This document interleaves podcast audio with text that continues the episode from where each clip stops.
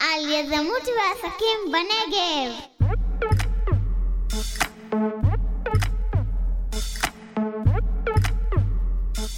מאוד מעניין אותי אה, שאנשים יכירו את היזמים, יזמיות שפועלים בנגב, ויותר מזה, שהם ישמעו מהם מה מניע אותם ליצור, לעשות, להצליח. והפודקאסט הזה הוא מסע לגילוי היזמים, היזמיות, כל האנשים שפועלים מאחורי הקלעים בנגב ויוצרים פה את הכלכלה המקומית. והיינו רוצים שעוד יזמים ילמדו מה האפשרויות שלהם כאן, איך הם יכולים לצמוח גם אם הם נמצאים בדרום הרחוק של הארץ.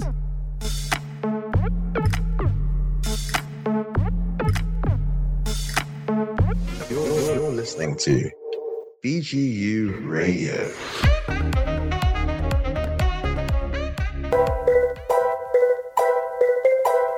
שלום ותודה שהצטרפתם אלינו, זה הולך להיות פרק מאוד מעניין, פרק כפול בתוך אוניברסיטת בן גוריון, אנחנו מתארחים בתחנת הרדיו בחדר של עמוס עוז, תחנת הרדיו BGU של האוניברסיטה. ברור שהאוניברסיטה משחקת כשחקן ראשי מאוד בתוך הסצנה של היזמות פה בנגב.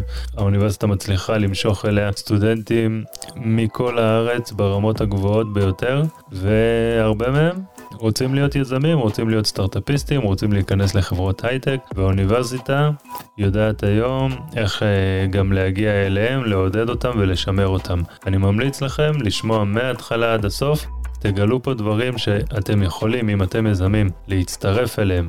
אז uh, קדימה, בואו נתחיל.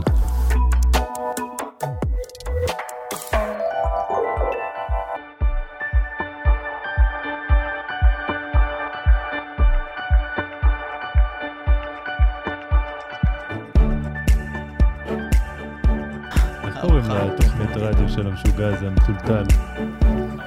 האוורד סטרן, תן לי כאלה פעמונים וכאלה צלצלים.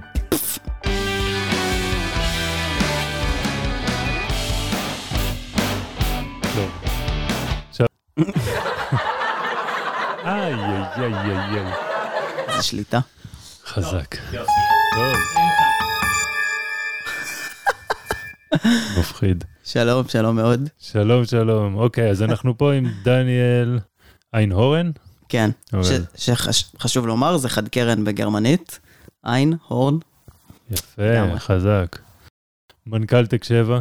היום אנחנו באוניברסיטת באר שבע. הפוקוס שלנו זה על הסטודנטים שבעצם הרימו את הכפפה, התחילו מהלך שאני הייתי עד לו לפני uh, בערך שש שנים, אני חושב, הדבר הזה התחיל, תכף אתה תספר לנו אולי קצת יותר. ומהלך מרתק, קם ארגון כזה שנקרא טק 7. אז היום אנחנו עם דניאל, המנכ"ל של טק 7. תגיד שלום. אהלן. אהלן. לפני שאנחנו נכנסים, בגלל שאני יודע שאתה כל כך נלהב ונמרץ ואתה רוצה לספר על כל התוכניות של טק 7 ויש הרבה, אני רוצה שנייה אבל לשמוע עליך. אוקיי? עבדנו ביחד הרבה, אבל אני לא באמת יודע עליך. הייתי רוצה לשמוע קצת איפה נולדת, איפה גדלת, ואיך הגעת לעיירה הציורית באר שבע. אנשים שדופקים, אה, הופה, וואו. אז ככה, אה, אני, האמת לא הרבה יודעים, בגלל שאני נולדתי בקיבוץ להב, תמיד uh, גרתי בנגב. קיבוצניק. Uh, זהו, שלא, בגלל זה לא הרבה יודעים, בגלל שבעצם בגיל שנתיים כבר ההורים שלי עברו לעומר, ואת רוב הילדות שלי העברתי בעומר, תמיד היינו חברים בקיבוץ, יש לי מקום חם בלב בשביל הקיבוץ, אבל באמת uh, למד, הבתי ספר, הגנים וזה הכל היה בעומר. אה, אבל בעצם משם יש לי את החיבור לנגב מאז ומתמיד, אני מטייל המון בנגב, וכאילו מאוד אוהב את, ה... את הנגב עצמו, את הארץ, את החבל ארץ. אה, ומשם, אני חושב, התפתח כל ה... מה שאני עושה היום בטק 7, שאחרי זה נגיע לזה. אוקיי, זה דרומי, אה, דרומי אמיתי. כן, בדיוק. ספר לי אבל אולי שנייה עוד לפני טק 7, אני בכוונה ככה כן, כן. מעיד אותך. אז... אתה מאוד פעיל. קשה לי להאמין שלפני שהגעת לאוניברסיטה לא היית פעיל. נראה לי שאתה כן. תמיד אה, כן. עשית אז... איזשהו משהו מעניין. תספר לי אולי זה משהו בבית ספר, אולי משהו בצבא, תספר אחלה. משהו. Um, טוב, הייתי בעצם, uh, בת, הייתי מדריך בחברה להגנת הטבע פה בבאר שבע שנתיים לקראת סוף התיכון, עשיתי פיזיקה, תיאטרון ומוזיקה, שילובים קצת וואו. פחות uh, קשורים. התגייסתי לחובלים. ואז אה, בעצם הלכו לי חצי מהחיים הבוגרים עד היום. עד גיל 26 הייתי בחיל הים, ספינות טילים, חובלים, אה, ולקראת השחרור שלי הייתי נעול ממש על הרעיון של להקים חברה. עוד לא חשבתי על יזמות טכנולוגית, אה, אבל נכנס בדיוק שאני רוצה להקים ג'יינט כזה, לעמוד להסתכל קדימה ולעמוד מעל איזשהו ג'יינט, קורפרט. כן, ו- ו- והיה לי ברור שזה, כן, והיה לי ברור שזה לכיוון של היזמות, זאת אומרת, לא, לא לטפס בסולם ולהיות מנכ"ל, אלא להקים חברה. אה, אז פתחתי אה, חברה עם חבר ליבוא של תוספי תזונה לספורטאים. זה היה כישלון חרוץ במובן הכי נהדר של המילה. אה, למדתי שיעורים מאוד חשובים, כמו רגולציה ובירוקרטיה. אה, בעיקר פשוט בתחום הבריאות, בטח בישראל, אבל בכללי זה תחום, אי אפשר למכור כל מה שרוצים למי שרוצים. איך הגעתם דווקא אה, לזה? מה, מה גרם לכם?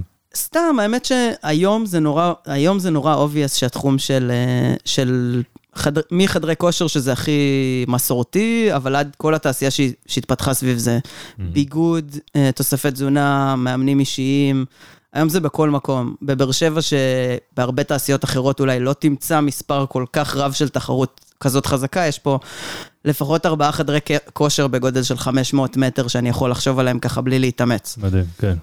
אז, אז התעשייה הזאת טסה, ואני חושב שכן זיהינו תזמון מאוד מוצלח, פשוט הניסיון העסקי שלי ושל השותף, אולי הוא לא טעם את, ה, את גודל המשימה, וגם היה לי מאוד ברור שכדי ללמוד, הדרך הכי טובה זה לעשות, אז זה לא שתכננתי לפתוח ספר ולבדוק איך מקימים את החברה, פשוט יצאנו לדרך. אמ, ואז בסוף של... מתי הבנתם שכדאי לעצור? אמ, הגענו בעצם יחסית לשלב יחסית מתקדם. זאת אומרת, היה לנו איזשהו ביזנס מינימלי, זאת אומרת, מה לייבא, מי יקנה אותו, אה, כמובן, כאילו חברה כישות משפטית, מחסן, כל מיני דברים שאנשים... וואו, די, התקדמתם. אבל פשוט אה, חשבנו שעם ההתקדמות נצליח אה, לשכנע את משרד הבריאות. האישורים שאתה צריך כדי באמת להוציא אותם הם מאוד בעייתיים, ויש פה את כל, סתם אני אזרוק פה עוד מילה ליזמים עסקיים בכלל, מי שמכיר כל שוק של יבוא ייצוא בישראל יודע שיש עניין מאוד גדול בין יבואן ראשי ליבוא מקביל, אם הוא בכלל מותר. אז בעניין של תזונה, יבוא מקביל זה דבר סופר בעייתי, אז אתה חייב או להביא מוצר שלא קיים בארץ ולחתום איתו על בלעדיות, או, או לעשות מקביל, ואז זה סופר בעייתי. נכון. אז אנחנו היינו במקביל וזה לא הלך. קשה. כן. אז החלטת שאתה צריך ללמוד? זה היה אמ, לא, אני בשלב הזה... נקודת מפנה לעבור להיות סטודנט? לא, אני בשלב הזה בוגר תואר ראשון מאוניברסיטת חיפה, בכלל בגלל הצבא. Okay. אוקיי. ואני מתחיל uh, קצת יותר מאוחר בסיפור, uh, דווקא במקביל לתק 7, את התואר שני במנהל עסקים, שאני צפוי לסיים uh, הסמסטר, פה, בבן גוריון. בהצלחה, בשעה טובה. תודה רבה. אז בואו עכשיו נדבר על פה. כמה זמן אתה כבר פה? בעצם אתה פעיל בטק 7 כבר כמה זמן? בטק 7 עוד מעט שלוש שנים. שלוש שנים. Uh, חלק מזה היה... במקביל לסטארט-אפ, אחרי החברה הזאת הקמתי סטארט-אפ בעיר, גם אה, משהו שפרשתי ממנו, המשיך קצת, אחרי זה נסגר אה, בלעדיי. אה, אבל בעצם כסטארט-אפיסט גיליתי את הקשבה בשביל ליהנות מהשירותים השונים שלה, והתחלתי להתנדב שם בלי כוונה להרחיב את המעורבות שלי, אבל לא הצלחתי לשלוט בעצמי. ובעצם אחרי כמה שנים גדלתי תחת צילו של המייסד, אה, שגידל יותם, אותי, יותם, יותם צוקר. יותם צוקר. כן, חשוב, אה, חשוב לתת לו את הכבוד פה על ה... יעץ לי שבוע שעבר, הביא חבורה של ברזילאים נחמדים. נכון, גם כן, איזה מדבריות. לא לא ידעתי שיש אה, מדבריות, זה לא באמת מדבר, אבל הם רחוקים. כן. אז אתה עכשיו בנעליו של יותם. נכון. ומה היה בעצם התוכנית, מה הייתה התוכנית הראשונה שנכנסת אליה בטק 7? אה, שאלה מצוינת, כי יש לה תשובה טובה. אני נכנסתי בסיליקון נגב 2017. אה, וואלה. אני אספר שנייה, אני אצל את ההזדמנות לדבר על סיליקון נגב, זה גם רלוונטי. יאללה, מה זה סיליקון נגב? תודה רבה. אז סיליקון נגב זה כנס ותחרות סטארט-אפים, אה, נגבי. אה, יש פה שני חידושים מרכזיים. בעיקרון היו, אף על פי שהייטק בכללי בבאר שבע הוא כאילו מחילה למי שלא יסכים איתי, אבל הם באמת מיעוט. אני חושב שהייטק בבאר שבע קיים שבע שנים, כאשר אני סופר לפי הבניין הראשון של אה, גב ים נגב. Mm-hmm. אז ברור שהיה פה חברות אחרות, אבל זה היה מבו... לא היה כוח. עכשיו יש כוח באיחוד, בעבודה המשותפת, גם בינו, עם האוניברסיטה כמובן. אז, אה, אז, אז בעצם אז, אז שינוי אחד ש, שהוא מאוד משמעותי לסיליקון נגב זה שהכנס עצמו מובל על ידי מקומיים, אולי כשנחזור לתק 7 נדבר על זה, אבל היוזמה היא יוזמה מקומית שמובלת על ידי יזמים מקומיים, גם יזמים חברתיים, קרי תק 7, אבל גם הסטארט-אפיסטים הם מקומיים. נכון. אמ, וזה היה, היה ונשאר חדש. וגם בסדרי גודל, אני חושב שהוא עבר את ה, מה שהיינו רגילים, זאת אומרת, הוא כבר דומה למה ש... הכנס המקביל הכי דומה שקורה פה אחת לשנה, הוא הנקסטק, שמובל על ידי גב ים נכון. נגב. אז uh, מבחינת כמות משתתפים, זה כבר די דומה, וזה בעצם, אפשר להגיד שזה הכנס טק הכי גדול בנגב. אז בואו רק אה, שנייה נציין את הפרטים שלו, סיליקון נגב, מתקיים פעם בשנה. אה, יש שם תחרות, נושאת פרסים, גם פרס כספי משמעותי, אם אני לא טועה זה חצי מיליון שקל היום. נכון.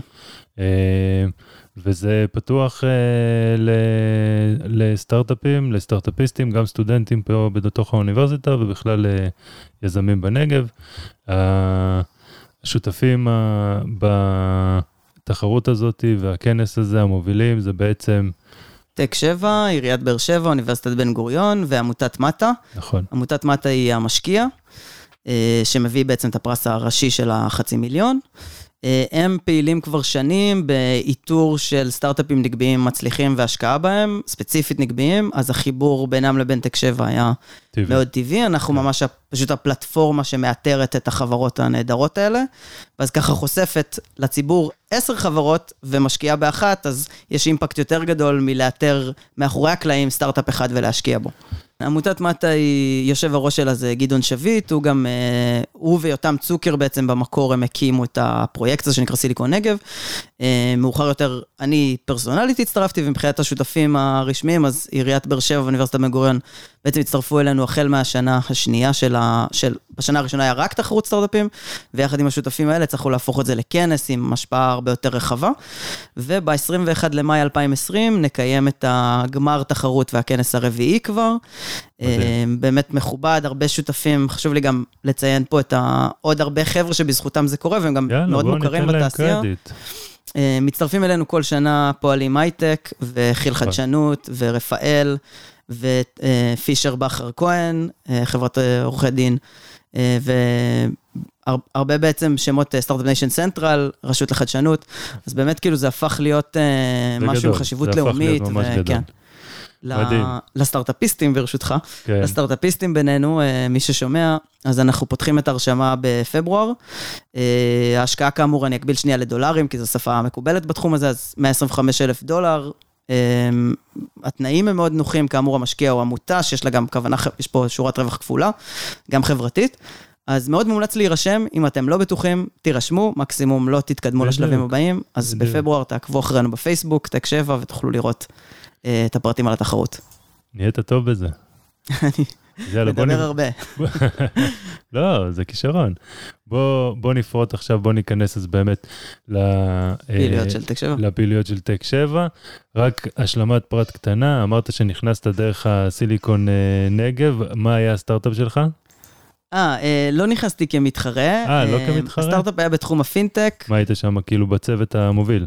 בצוות אה, המקים?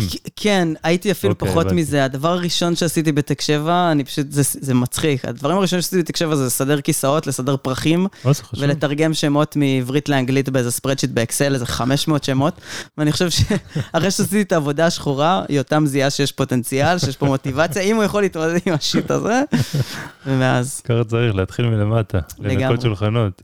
לגמרי. זה לימד אותי המון. כאילו, אני מאוד בקיא בידיים בכל האספקטים של טק 7, וזה מאוד מקל. תכלס, תן לנו איזה וואו. כזה... אה, אז בוא ניכנס לזה. אז מה התוכניות שיש לנו היום בטק 7? תן לנו רן. מעולה. אז אני אתחיל, אני אתן רגע הקדמה על בכלל מה זה, כי זה מאוד עוזר לזכור אחרי זה מה ההיגיון במבנה. אה, כי הוא, הוא לא באמת מורכב, אבל אולי בשמיעה ראשונה ככה, כי באמת הפעילות היא מאוד ענפה. קודם כל, חשוב לומר, אולי שוב, שהארגון הוא ארגון ללא כוונת רווח, הוא מנסה לקדם קודם כל את הנגב כאזור ברמה הכלכלית-חברתית. כל הסיפור של חדשנות שאני מיד הולך לצלול אליו הוא כלי, אה, כלי שנוצרה בו איזושהי מומחיות מסוימת. אני בטח לא חושב שיש עוד, אין, יש עוד מלא תחומים שבהם אפשר לקדם את הנגב, אני חושב שיש משהו מאוד ייחודי שאנחנו מביאים לשולחן בהיבט הזה, אבל באופן כללי בעולם, הנושא הזה של קידום אזור, גם כלכלית וגם חברתית, דרך מה שנקרא ecosystem של חדשנות, הוא תופעה עולה, ובעיניי, לפחות ממה שאנחנו מצליחים לראות מסביב לעולם, די מוצלחת, ואנחנו שואבים ידע גלובלי בנושא הזה ומנסים לייבא אותו לפה, יחד עם כל השותפים הנהדרים שמעוניינים באותה מטרה. אה, בראשותם כאמור העירייה והאוניברסיטה, שהם באמת שותפים מעולים לפרויקט הזה. אה, אז, אז המטרה היא באמת, זה ארגון ללא כוונת רווח שמקדם יזמות טכנולוגית באופן כללי. הסיבה שזה חשוב זה כי כל מה שאני הולך להגיד מעכשיו זה תסמינים של זה. זאת אומרת, בכל רגע שבו אנחנו מזהים מקום שבו אפשר להשפיע בצורה יעילה, זאת אומרת, באמצעות השקעה מאוד ממוקדת, להביא אימפקט מאוד גדול לאזור, והוא עוסק בחדשנות, שני התנאים האלה ביחד, אנחנו שם. אה, ולכן יוצא שהרבה פעמים באים אלינו עם יוזמות, כמו סיליקון נגב, שזו לא הייתה פעילות קיימת, אנחנו כל הזמן מייצרים כל מיני פעילויות חדשות, בתנאי שזה עונה באמת על הקריטריונים האלה, שזה, שזה אימפקט הגיוני מבחינת הוא יעיל, והוא עוסק בתחומים האלה, ובנגב, אז אנחנו שם. שכשאתה אומר אנחנו, זה סטודנטים, נכון? אז, זאת אומרת, יש פה חברי סגל גם מעורבים, יש פה איזושהי הנהלה של... אה, אז של האוניברסיטה? הארגון הוא, הוא, הוא בעצם, בתכלס הוא לגמרי עצמאי. אה, אנחנו מתנהלים סביב, אה, יש לנו צוות שהוא באמת עיקרו סטודנטים, אבל הייתי יותר מסתכל על זה כנתון דמוגרפי, כאילו בני כמה אנחנו, ו... אז באמת אני, שאני בן 30 היום, אני הכי מבוגר בצוות. מבוגר, כן. שזה גם, זה אווירה מאוד מעניינת כאילו לנהל איתה זה, ואנחנו מתנהלים ככל ארגון, או לצורך העניין הזה, כדי להמשיג בפשטות כל חברה. יש לנו אופרציה עסקית שתפקידה לממן את כל האימפקט החברתי שאנחנו עושים, וזה לפעמים אפילו יותר דומה לעסק חברתי מעמותה. אה, מעניין. אבל, אבל בהחלט אנחנו פשוט קבוצה של חבר'ה מאוד רציניים, שהם כולם בתארים ראשונים ושניים כעובדה דמוגרפית יותר מכוונת משורר. אה, אוקיי. יש לנו גם, אה, כאילו, יש לנו גם בצוות אה, בוגרים מקומיים שגרים פה בעיר, שהם אחרי אפילו התואר השני, והם, זה כאילו מבחינתם פשוט מה שהם עושים, מאמינים בפעילות. כן, אבל. אני חושב שזה באמת מעניין, שזה מי שעוסק איתכם, מי שעובד איתכם, מתחבר לזה דרך זה שהוא היה פה סטודנט, דרך העשייה שלו פה ב, ב, באוניברסיטה ו, ובבאר שבע. כן, ולא כל מיני אה, חוצניים, כן. נקרא לזה. כן, זו עשייה מאוד מאוד מקומית, והיא, מוב... והיא גם מאוד צעירה. מובלת על ידי אנשים צעירים שמזהים דברים ככה מלמטה, מהשטח. כלומר, אני רואה אותם ממש מדברים עם הסטודנטים, אני רואה אותם בקשר מאוד מאוד קרוב, שזה יוצר איזשהו אה, משהו גם מאוד חדשני ומיוחד, במקום כל מיני תוכניות שמונחתות מלמעלה, בלי באמת לדעת מה קורה שם למטה. אני מסכים ב-100 אחוז. אז בוא נחזור, אז בוא נחזור. כן, אז מה לגבי התוכניות? שלנו. אז אנחנו פועלים בתוך אה, ארבע קהילות. אה, זה בעצם... התפקיד פה הוא לא לפלח לפי גיל, אבל זה די מקביל, אז אני אעשה את זה פשוט. אה, יש לנו קהילה שנקראת אה, ארבע קהילות, בואו נמנה אותם, טק 7 ג'וניורס לנוער, טק 7 סטארטר ליזמים מתחילים. אין פה מגבלה של גיל, זה פשוט נוטה להיות בין 20 ל-35 נאמר. אמ, אחרי זה טק 7 סטארט-אפס, שזה ממש הסטארט-אפים המקומיים פה, זה הבסיס שלה. סביבם יש כל מיני נותני שירות, אה, כל מיני מעוניינים שרוצים להגיע למגע עם הסטארט-אפים, הסטארט-אפים זה ממש הקהילה עצמה. וטק 7 סיניורס לגיל השלישי. אז ארבע קהילות, כן. אז טק 7 ג'וניורס, אה, כולם בעצם מקדמים יזמ- יזמות פשוט בצורה מותאמת לאותו פלח. אוקיי. בתוך טק 7 ג'וניורס יש לנו שתיים או שלוש, אבל אני אגע בשתי תוכניות מרכזיות שיש לנו שם. אמ, כל המתודולוגיה היא באמת לקחת בכל הקהילות, רגע, היא לקחת אה, חבר'ה שהם לא מכירים בכלל, מה שאנחנו קוראים לו יושבים על הגדר, לצורך העניין בן נוער, אה, בן בת נוער שרוצים להיכנס ליזמות, אבל הם לא יודעים על זה שום דבר, ופתאום הם נחשפים בפייסבוק לאיזשהו אירוע שאנחנו עושים לבני נוער בסטארט-אפים, אומרים, וואו, בני נוער וסטארט-אפים זה כאילו כל מה שרציתי בחיים, איזה יופי. ואז הוא מגיע לאירוע, ושם, מעבר לזה שהוא נחשף לאירוע עצמו ולתוכן שהוא מביא, הוא מגלה שיש עוד תוכניות. מהמם. אז אחת התוכניות האלה היא Tech-Connect. Tech-Connect כשמה כן היא תפקידה לחבר את בני הנוער, בעיקר לפארק הייטק, אבל החשיבות פה היא שבני נוער ייחשפו בצורה בלתי אמצעית למשש, לראות, להריח. אה, איך נראים חללי עבודה של הייטק, איך נראים עובדי הייטק, איך נראים יזמי הייטק, ויש לזה תפקיד מאוד משמעותי בתפיסה של אותו אה, נער, נערה, איך, איך נראים, האם אני רוצה את סגנון החיים הזה? ואם התשובה שלו לעצמו היא כן, הוא נהיה הרבה יותר מעורב, והוא פתאום מבין שזה זה נהיה ממשי. אתה רואה את המסלול איך להגיע לשם. אז אלה בעצם תיכוניסטים, נכון. והם מגיעים אחרי אה, שעות הפעילות שלהם בבית נכון, ספר, הם מגיעים פורמלי. בערב, והם אה, נכנסים ממש לתוך חברות, רואים אה, איך זה עובד, מה זה, זה ליווי מודרך כזה? בדיוק ככה, זה בעצם סדרה של אה, מפגשים, שאנחנו גם פוגשים תאגידים שנמצאים בגב ים, וגם סטארט-אפיסטים, כל מפגש עוסק במשהו קצת אחר. אה, גם מעבירים תכנים מקצועיים, אני חושב שקלאסי, סתם לצורך הפשטות, חברה מאוד מוכרת, וגם הקשר שלה ברור. אני אתן כדוגמה את וויקס, שיש להם אתר פה, אתר מאוד משמעותי, אז אם אתה רוצה ללמד, אה, נגיד, בני נוער בניית אתרים, או קידום דרך אתרים באינטרנט, או כל מיני דברים כאלה, אז השילוב בין לא רק ללמוד לעשות את זה על ידי מנחה חיצוני, אלא ממש על ידי וויקס, איפה שוויקס נמצאים, בבאר שבע, על ידי לנער- עובד של וויקס אפילו. כן. אז, אז לנער באר שבעי, שעד עכשיו היה חשוף רק למה שהבית ספר מאפשר לו, זה Game Changer. מדהים, נכון. אז, ואז אה, התוכנית השנייה בדיוק. לבני נוער? תוכנית הדגל בטק 7 ג'וניורס, Youth Innovation, זה כבר, באמת אם נכנסת קצת וראית, וזה ממש לחבר'ה שהכי מעורבים, שהם רוצים להיות יזמים, והם כאילו מבקשים את ה-next step. אז הטופ של הטופ אצלנו זה באמת Youth Innovation, בעצם קורס יזמות מלא, שמביא אותך מרעיון למוצר, יחד עם סטודנטים. אה, אז אנחנו משלבים בעצם, עושים קבוצות של ארבעה, בין בני נוער וסטודנטים, אה, מגיעים, מגבשים ביחד רעיון, ומניעים אותו לאורך המפגשים למוצר, עד הדמו דיי, שבו עושים פיצ'ים של הרעיונות. אה, תוכנית מאוד מוצלחת, מאוד אה, אהודה על ידי כל המעורבים, כן. וגם התוצאות של זה על הבני נוער הם אני ממש... חושב שצריך להדגיש פה שמה שמאוד מאוד מיוחד באמת, זה שזה לא עוד איזושהי אה, תוכנית יזמות לבני נוער שמשאירה את הנוער בבועה שלהם לבד, אלא ממש מחברת אותם עם סטודנטים. זה צוות של סטודנטים שעובד עם אה, תיכוניסטים, שתי קהילות אה, שונות, אנשים עם... אה, אה, עם כבר ידע, פערי ידע מאוד מאוד משמעותיים, והם מפרים אחד את השני. אה, אז זה באמת רעיון אה, שהוא אותי מאוד מלהיב, גילוי נאות, גילוי נאות. הייתי המנחה המקצועי של זה במ- במחזור הראשון של זה. הראשון, כן.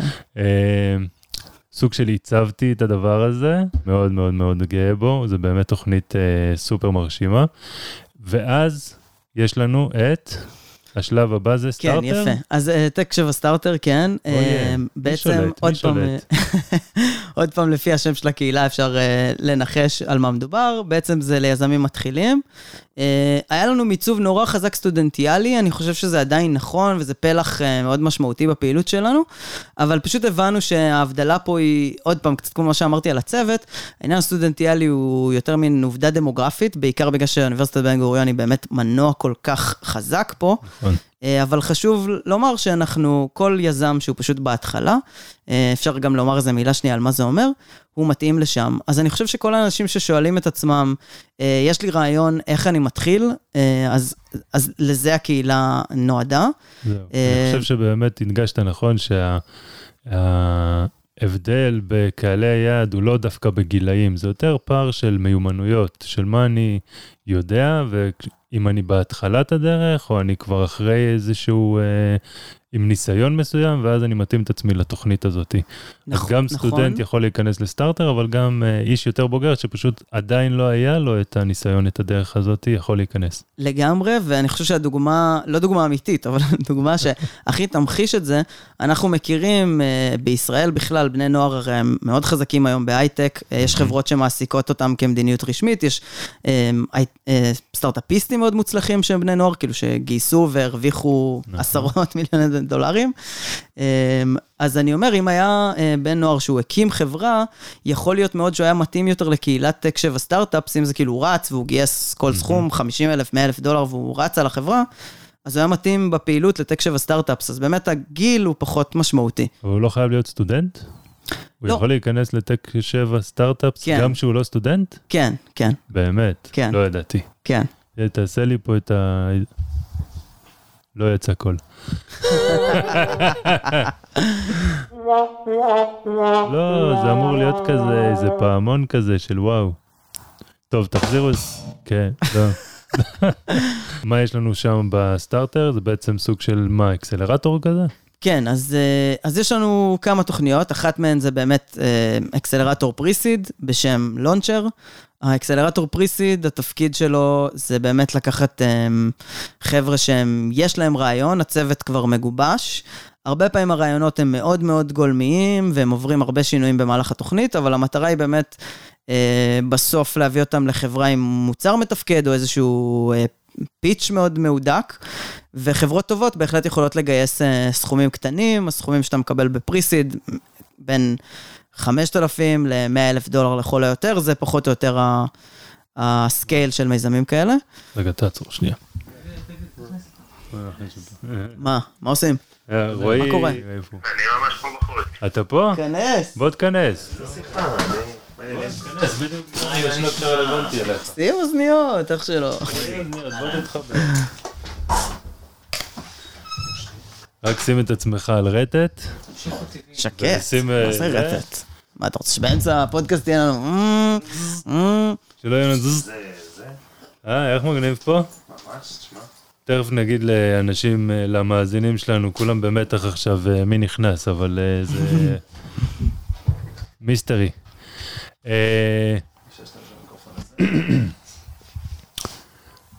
היינו בדיוק בעניין של הכסף בסטארטר. תן לנו על זה כן, זה- השלמת משפט, אחר כך אנחנו... אה, סבבה, האמת שזה גם יכול להתחבר מצוין נראה לי לקקטוס, אז אפילו... טוב, נו בוא- יאללה, אז נגיד מי נכנס. נכנס לנו רועי קמחי. מה ההגדרה שלך בקקטוס? ג'נרל מנג'ר. General manager של קקטוס, אז נכנס רועי קמחי, קפיטל. ג'נרל מנג'ר של קקטוס קפיטל, זה נשמע סופר Silicon Valley. אה, והוא הצטרף אלינו לשיחה ואנחנו בדיוק אה, הגענו לחיבור הזה, מה שאנחנו הולכים לעשות, אנחנו פה מדברים עם, אה, אנחנו מספרים על כל מיני פעילויות שיש ב-Tech 7, שזה סוג של הרמה להנחתה. גם כן לקקטוס, ואז אנחנו קצת נרצה לדעת אבל גם פרטים עליך, אוקיי? לא רק על קקטוס, בסדר? אז בוא נשלים את הכמה משפטים, היינו בסטארטר. אני- אני ארים ואנחית. יאללה, קדימה, תן לו בראש. אה, אז בדיוק דיברתי על לונצ'ר, האקסלרטור פריסיד. אז אה, כן, אני חושב שהחבר'ה ששם, שהם אה, סטודנטים של בן גוריון, אני חושב שזה לגמרי השאיפה שלנו אה, להביא אותם בקצה כשהם לגמרי מוכנים לצורך העניין לוועדת השקעות של קקטוס. אה, וזה החיבור, בעצם קקטוס זה בסוף זרוע השקעות, שהם עושים, למעט האנליסטים, עבור הסטארט-אפים הם לא עושים הכשרה, הם עושים איתור ויש תמיכה, אבל כאילו באמת יכול להיות, יש פה שילוב באקוסיסטם שאנחנו מכשירים, הם משקיעים, זה יוצא קהלים מאוד דומים, ו... שלום, כן, זה פשוט מתחבר. הנה זה, זה, זה הורם וירד. הורם והונחת. לא, תכף אנחנו נבין למה שקקטוס קפיטל באמת תרצה להשקיע באנשים כאלה, למה באמת, רועי? למה לא?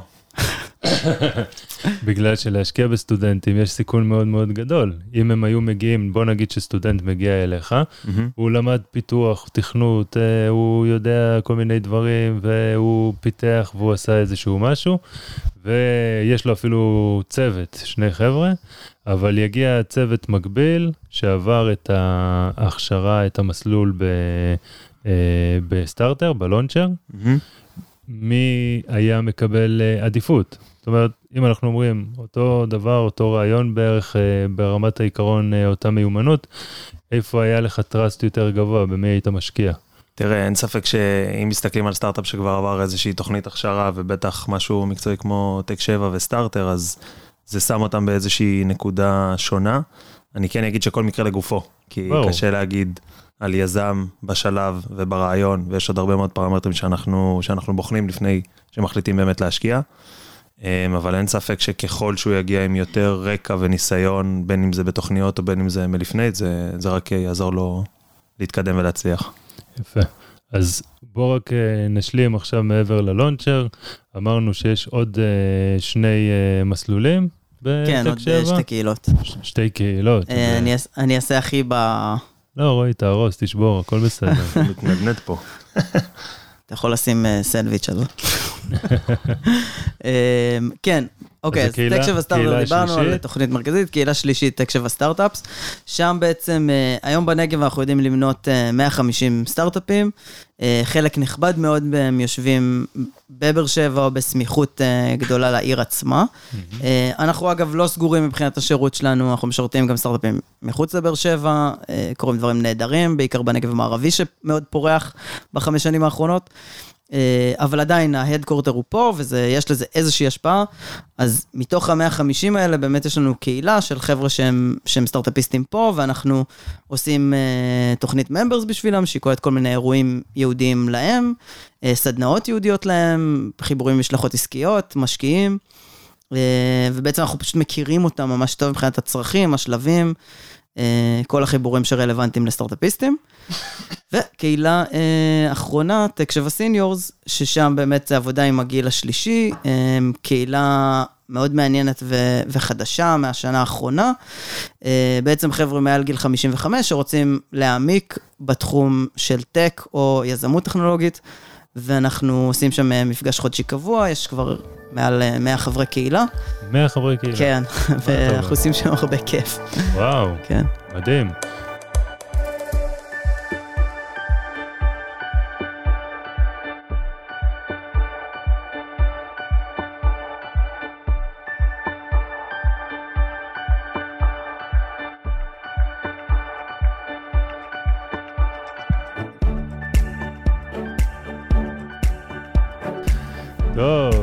אז אנחנו נעשה עכשיו איזשהו מעבר חד ואנחנו ניתן לרועי, רועי קמחי להציג את עצמו ואת הפעילות שלו. Uh, לפני שאנחנו רצים uh, על הפעילות, הייתי רוצה לשמוע קצת עליך. מעבר לזה שהיום אתה general manager של קקטוס קפיטל, שזה נשמע סופר Silicon Valley, וזה נשמע ממש ממש מעניין לדעת מה זה בעצם אומר. Uh, אני רוצה קצת uh, לדעת עליך, על הבן אדם, איפה. נולדת למשל, איפה גדלת, מאוד מעמיק. טראומות אה, ילדות. זה היו לא מעט. אה, אז אני במקור מהרצליה, בן 29. אה, בדיוק התחלתי עכשיו אה, תואר שני במחלקה לתעשייה וניהול במסלול של data science. נשוי טרי, באמת, וואו, חתונת סטודנט. שטח. מה זה אומר חתונת שטח? אה, מצאנו מקום, שטח של קק"ל ביום שישי, מי שמתכנן אז זה בחינם. והפקנו חתונה מאפס בעצם. וואו, וואו. טוב, אז אתה יזם. גם בחתונה אתה יזם. משתדלים, כן, היה, היה אירוע מרתק. Clash, Clash of uh, Worlds. מדהים. אז שיהיה לך במזל טוב, תודה. שעה טובה. אה, אבל שנייה, בוא נחזור שוב אחורה, אתה מתחמק, כן. טראומת אה, ילדות. טראומת ילדות. אה, הייתי, הייתי די שטוטניק. מה זה אומר? הייתי שובב, לא הייתי ילד קל אה, להורים שלי. ו... והם התמודדו נראה לי בסך הכל עם הרבה מאוד דברים בגבורה, טראומת ילדות, משהו שעולה לי. אה, משטרה הייתה צריכה להגיע להורים שלי לבדוק אם הם, אה, אם הם חלילה התעללו בי, כי שבוע אחרי שבוע עשיתי כל מיני תקלות בילדות, שתיתי פחית דלק וסיגרת באיזה תחנת דלק, ושבוע לפני זה נשפוכו עליי מים רותחים, אז אה, כן. אוקיי, אתה מבין מי מנהל את קקטוס קפיטל? הכסף שלכם בידיים שלו. כן. אמ, אני מופתע שהפחית דלק לא הרגה אותך. עמיד, לא עמיד, עמיד. צלקת גדולה על הפנים.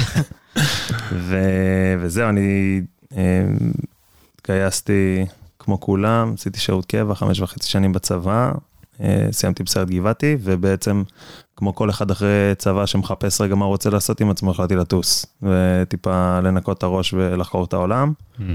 עשיתי חודשיים. באפריקה עם, ה... עם אשתי, אז חברה שלי. אה, קצת אוגנדה, קניה, טנזניה, הרבה ספארים, הרבה תרבות. ואז עוד שבעה חודשים בדרום אמריקה עם חבר. וואו, כן, והיינו עוד, עדיין ביחד בזמן הזה. זה כבר היה אז אה, רציני, כן. היא מחכה הרבה זמן. long distance relationship, כן. כן, טוב, כן. שווה לחכות לך. אה. המאזינים לא רואים, אני רואה. אה, ומה הביא אותך לעיירה הציורית באר שבע?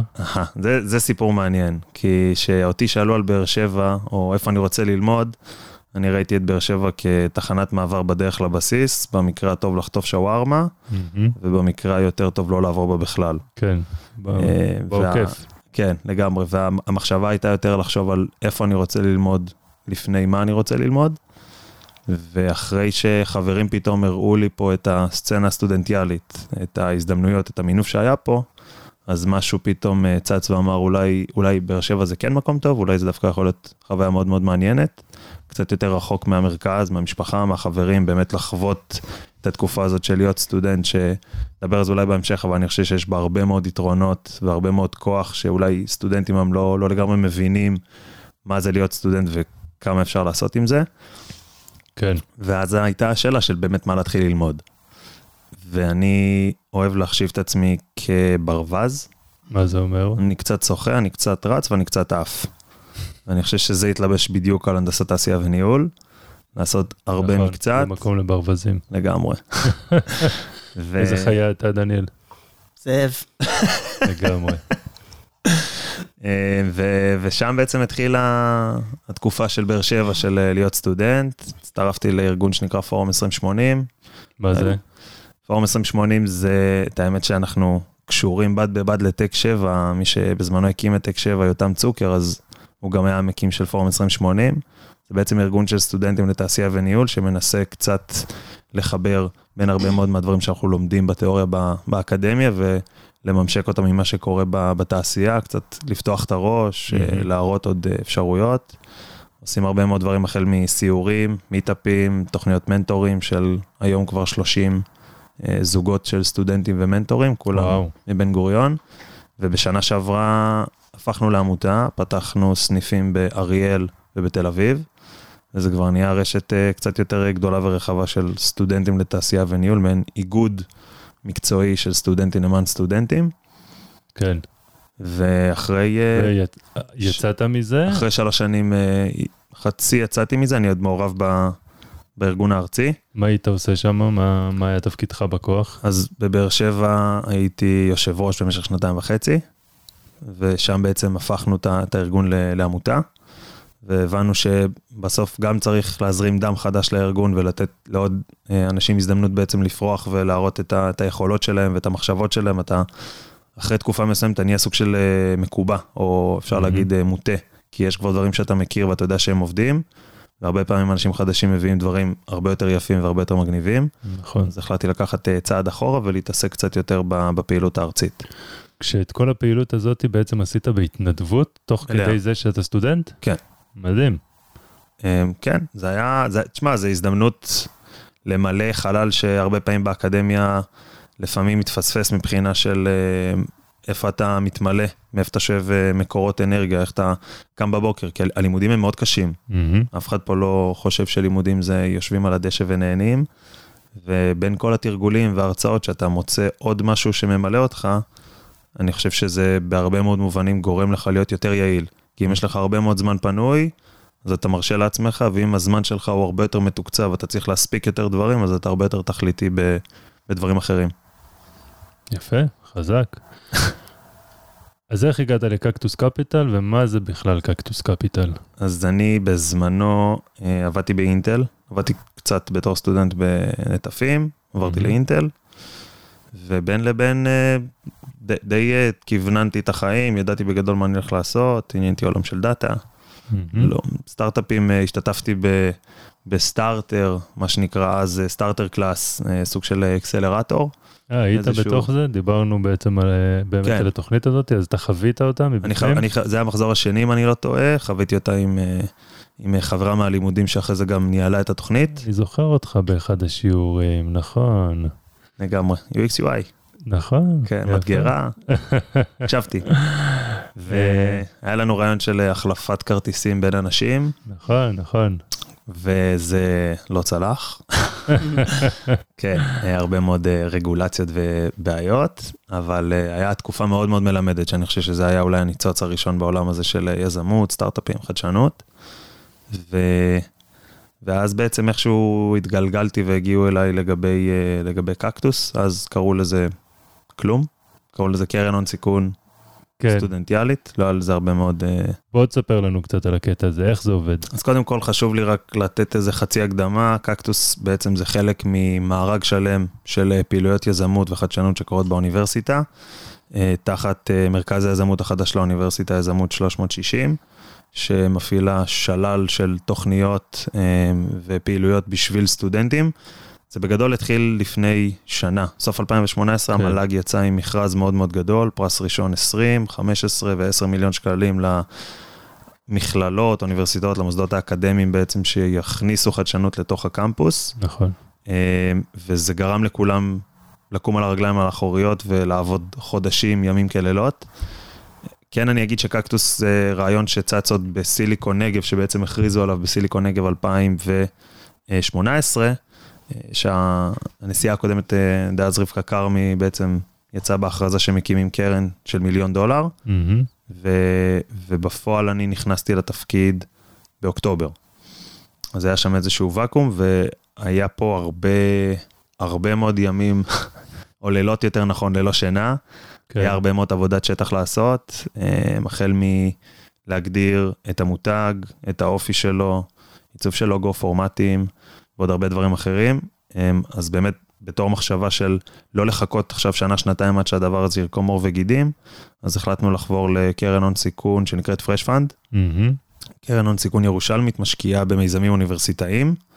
הם לא, לא מנוהלת על ידי סטודנטים ולא ממוקדת בהכרח בסטודנטים, אבל זה יותר על העולמות של הסטארט-אפים שיוצאים מאוניברסיטאות, דוקטורנטים, אה, מאסטרנטים, דברים מהסוג הזה. אז אז אה, שנה שעברה הגישו אה, בעצם 60 אה, סטארט-אפים לקבלת השקעה, השקענו בתשעה מתוכם. השקעתם בתשעה סטארט-אפים. כן. זה המון. אה, כן, זה סכום, סכום די יפה שנותנים עוד לסטודנטים לנהל, מן הסתם יש גורמים מקצועיים שהם חלק מהתהליך, אבל זה בהשקעות של ה-20 אלף דולר. זה, אנחנו משקיעים גם בשלב הרעיון, שזה מהמם. אומר יותר לבדוק את הרצינות של הסטודנטים, מהמם.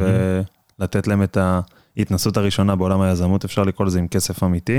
אז אנחנו משקיעים בין 5,000 ל-20 אלף דולר.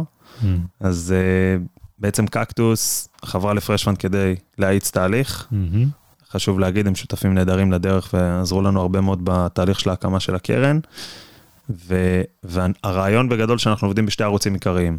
הערוץ הראשון זה שאנחנו משקיעים, מהמם. עד 20 אלף דולר בסטארט-אפים של סטודנטים או בוגרים טריים. אמ, והמטרה היא פה, איך שאומרים ב, ב, בתעשייה של ה-VC, smart money, אנחנו משתדלים לתת הרבה מאוד ערך מוסף, value proposition, אחרי שהם קיבלו את ההשקעה.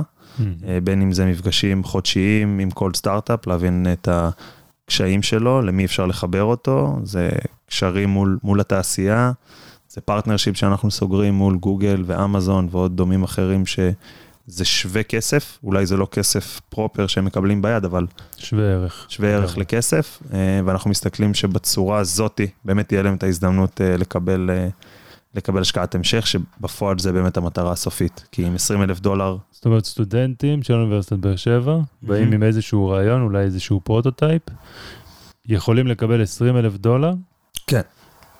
ולהשתמש בו בשביל uh, לייצב את הסטארט-אפ, להגדיל אותו, להצמיח אותו נכון, ובסופו של דבר להגיע לאפשרות שבאמת לקבל השקעה ראשונה.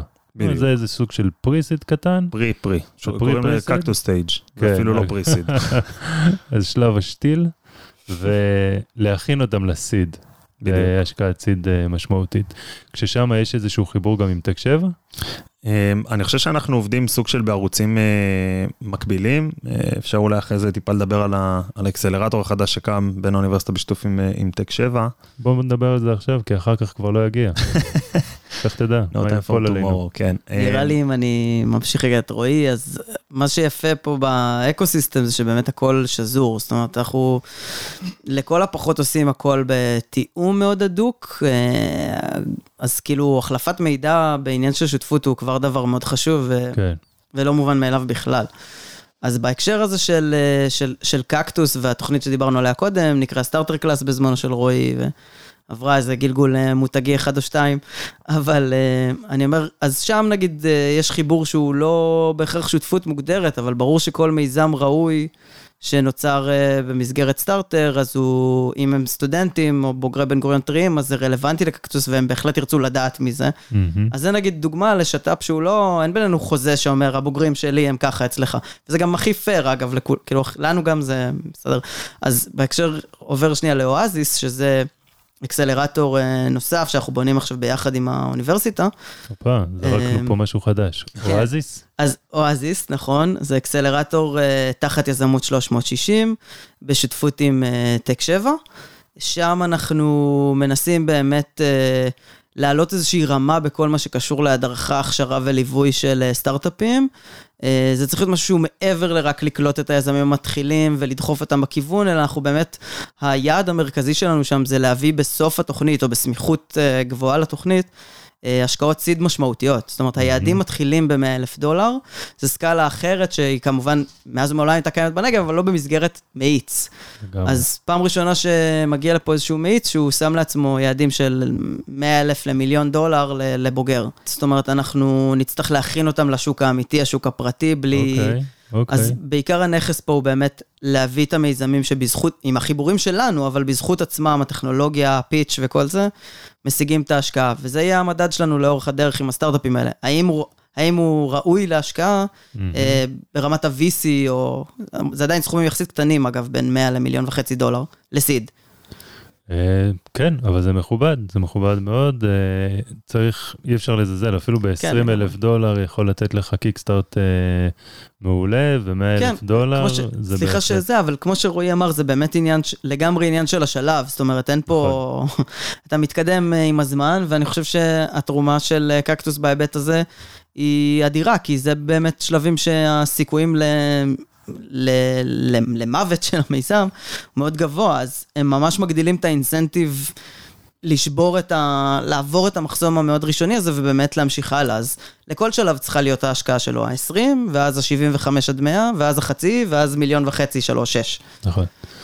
עכשיו אנחנו רואים את זה שזה כבר עובד פה, המחזור הראשון כבר אה, כן. רץ, מלא. אתם בעצם, מה צפוי לנו עכשיו בקקטוס קפיטל? כמו שאמרנו, אנחנו משקיעים, ומהעולם השני אנחנו, אנחנו רואים את זה, we, in- we invest and we educate.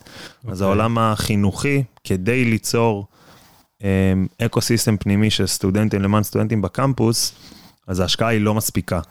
וצריך להבין איך מגיעים לסטארט-אפים האלה. Mm-hmm. ואחת מהשיטות הנפוצות היא באמת student scouters. זאת אומרת שאנחנו מעבירים בשיתוף עם Fresh Fund קורס של שלושה וחצי חודשים, שמתרחש כל סמסטר ב'. אה, קורס מאוד מאוד אינטנסיבי, מדברים על משהו כמו שש שעות שבועיות, וואו, אה, שמלמדים את כל ה-lingo, את כל העולם מינוחים של עולם ה-VC, בעצם How to become a VC analyst. אוקיי. אה, ומתוך הקורס הזה בעצם נקלט ממש הצוות שהולך לנהל את קקטוס בשנה הבאה. מדהים, אתם אנחנו- בונים את הצוות שלכם, בונים את צוות העתיד. כן, ממש ככה. ואנחנו מצליחים לראות לפחות במחזור הנוכחי, שזה השנה הראשונה שאנחנו עובדים עם צמד מלא של אנליסטים, שגם ה- היכולת שלנו להגיע לסטארט-אפים, היכולת שלנו ללוות אותם בתהליך הזה בעצם משלב ה application ועד שלב קבלת ההשקעה, מהמם. הוא נעשה בצורה הרבה יותר הדוקה, הרבה יותר מקצועית, והם קיבלו כלים מאוד מאוד מרשימים, אה, הרבה מאוד מרצים מהתעשייה שמגיעים, וגם התכנים שאנחנו מעבירים להם. אוקיי, אה, מדברים כרגע היום על 14 אנשי צוות בקקטוס. וואו, כן, זה המון. גדלנו משניים- מאחד לשניים ל-14. ל-14, צמיחה. יפה ומהירה. כמו סטארט-אפ. ממש כמו סטארט-אפ, כן. ו- ובעצם ה- אני באמת חושב שאנחנו נמצאים היום במצב של הצוות הכי איכותי, הסטודנטים הכי איכותיים שיש לאוניברסיטה להציע, מאוד מולטי דיסציפלינרי, יש לנו חבר'ה מרפואה, פסיכולוגיה, מתמטיקה, הנדסת חשמל.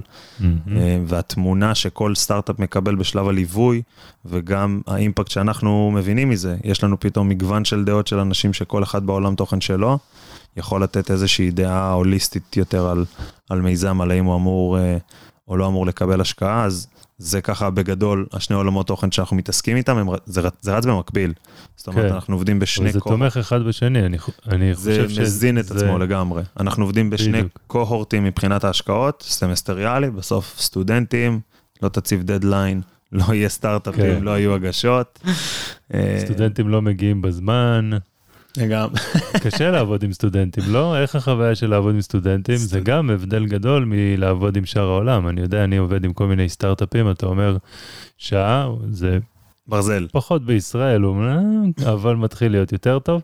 כן, שעה זה ברזל, יעדים, מטרות זה ברזל. סטודנטים, יש להם עוד הרבה דברים על הראש. אני חושב שזה היתרון והחיסרון בלעבוד עם קהל סטודנטיאלי, גם בהיבט הסטארט-אפיסטי וגם בהיבט, ה, נקרא לזה, הצוות הניהולי של קקטוס.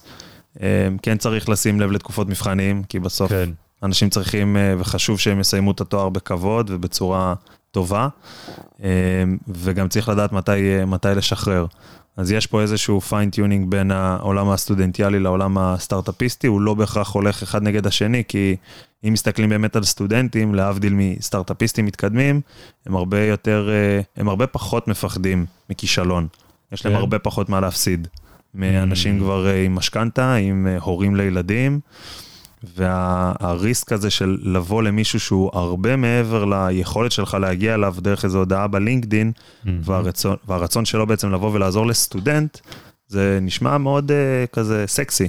זה מאוד ממלא, אני עוזר לסטודנטים, אני מקדם סטודנטים, ואנשים הרבה פעמים בשלבים יותר מתקדמים, הם קצת uh, יותר חוששים, או יש להם יותר, הם לא יכולים לצאת פעורים, הם לא יכולים לשאול שאלות שהן לפעמים uh, יכולות להיות בעייתיות, שסטודנט יכול לשאול אותם ועדיין לצאת מהם בצורה שהיא בסדר, בסדר גמור. הוא במוד של למידה, אתה מרגיש שהוא במוד של למידה והוא מרגיש עם זה חופשי ונוח לו הרבה יותר אה, לשאול ול, ולחשוף את עצמו, לחשוף חוסר ידע. לגמרי, ואני חושב ש, שזה באמת, שוב, זה הכוח של סטודנטים, ל- להיות רגע אחד על כובע, אני סטודנט רציני עם סטארט-אפ, אני שווה השקעה, יש לי פה רעיון מטורף, ומהצד השני, אהלן פרטנר גדול בקרן הון סיכון, הייתי שמח להתייעץ איתך על כמה נושאים אסטרטגיים לגבי הסטארט-אפ שלי, והוא יעשה את זה בשמחה כי הוא סטודנט. מדהים. טוב, אנחנו הולכים לסגור פה את הסשן הזה, אבל אני חייב אה, לשאול, אה, שניכם אנשים אה, super ambitious, אמביציוזיים, דניאל פה הכריז שהוא יודע שהוא הולך לעמוד בראש חברת מולטי, מולטי נשיונל. ביג קורפרט בטוח. קמפני. אבל לא, ברצינות, הייתי רוצה לשמוע מה השאיפות שלך, רועי, לעתיד. אתה, איפה אתה רואה את עצמך עוד חמש שנים? אני שמעתי פעם ממישהו שאמר שדווקא אנשים שעוד לא יודעים מה הם רוצים לעשות בחיים, זה אנשים שאני יותר אוהב. ואני אני נראה לי כרגע נמצא בנקודה בחיים שאני עוד די, אה, די גמיש. לא, לא הכתבתי לעצמי איזה שהן מטרות לחמש שנים קדימה. אני כן אה, מנסה לשלב בין תואר, נקרא לזה, שהוא יותר אה, מדעי, מהמם. לבין אה, מקצוע שהוא קצת יותר אה, אנושי. ובינתיים, אה, בינתיים מנסים פשוט לעשות את הכי טוב שאפשר בכל נקודת זמן, ולהתגלגל ולראות אם זה לאן זה לוקח. מעניין. אז אתה גם סטודנט, אתה עדיין שומר על להיות סטודנט. לגמרי. זה, זה אני אוהב פה מאוד. ודניאל? טוב, אני את השאיפות שלי אמרתי. כן. אני חושב שהאמת, יש לי משהו אישי להוסיף על זה. יאללה. אני, באוקטובר מלאו לי 30. עכשיו, אני לא מאלה ש...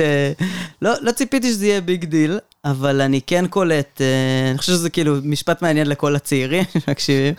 אתה קולט שכמות הניסיונות שלך היא כן מוגבלת. זאת אומרת, אני נורא נהנה ממה שאני עושה בטק 7 והאימפקט הוא מדהים.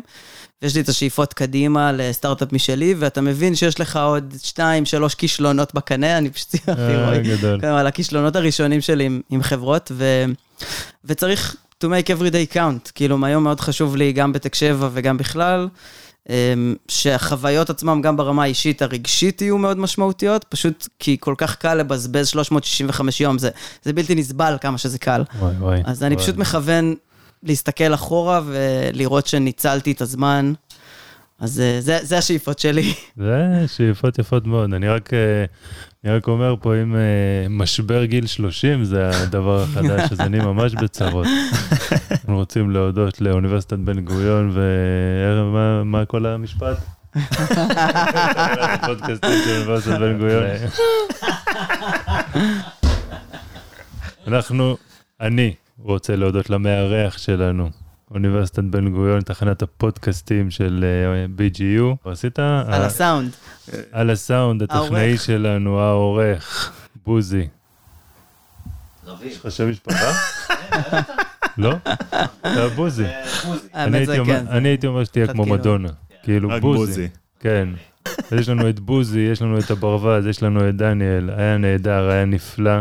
חבר'ה, המון המון תודה, באמת ריגשתם, כיף לראות אנשים ככה מלאי מרץ וחדורי מטרה כמוכם, זה באמת באמת מיוחד, באמת, אני מכיר אתכם הרבה זמן, ואתם מתמידים.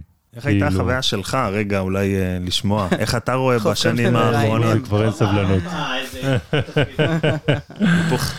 התהפכו עלינו פה, אבל אני, אני אגיד כמה מילים רק בשביל, ה... בשביל עצמי כזה. כן. אני הגעתי לדרום לפני שש שנים, ואני לא רציתי לעשות סטארט-אפ. אני, היה לי רעיון לאיזה סטארט-אפ שפתאום נחת עליי, ומיד כאילו משקיע אמר, זהו, אני משקיע בזה.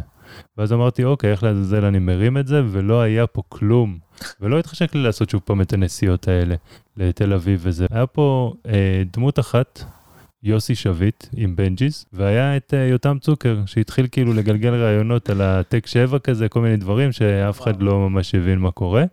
ואמרנו, יאללה, אנחנו רוצים כאילו שיהיה whatever. כאילו לפחות יש כמה אנשים שמוכנים לעשות משהו, אבל אין פה כלום, זה היה ממש ואקום כזה. אני כבר הייתי אמנם זקן, וכל החבר'ה הצעירים האלה כאילו אה, הסכימו שאני קצת אהיה איתם, אז גם זה, אהב, אהבתי את זה. ונכנסתי לתוכניות של טינוביישן, ונכנסתי, ל... הייתי מנטור בסטארטר, וכל מה, מה שעשיתי, אמר, יאללה, הלכתי על זה ונכנסתי לזה, וזה היה פשוט מרגש, ראיתי אותך מנקה דברים. ראיתי אותך עולה את כל השלבים. תקשיבו, אני לאורך הזמן הזה, אני הייתי מנטור בהרבה אקסלרטורים, ואני ראיתי אנשים מתחלפים ובאים והולכים ובאים והולכים, ואף אחד לא מתמיד. ואתם פה שנים, תוך כדי לימודים, מתמידים, ועושים יותר ויותר, וזה באמת, זה מיוחד, אתם חייבים להבין שאתם מיוחדים. זה עובר עליכם ככה, כזה ברווז כאילו אומר, אה, בקל הוא עושה את זה, הוא מדבר כאן הכל קול, אבל זה מאוד מאוד מיוחד. אתם ממש חייבים להבין את זה, ואני שמח שזה קיים, אני שמח שאתם קיימים ושאנחנו יכולים ליצור את האקוסיסטם הזה ביחד. אז זהו, אז זה היה הנאום שלי. וואו, היינו צריכים. אה, כן. עכשיו תן לי את ה... לא, לא זה. איזה קונוטציה שלילית. זה שלילי. שלילי. משהו מרים. טוב, אנחנו נעבוד על זה. חבר'ה. סעו לשלום, לכו לעשות תודה משהו רבה. טוב.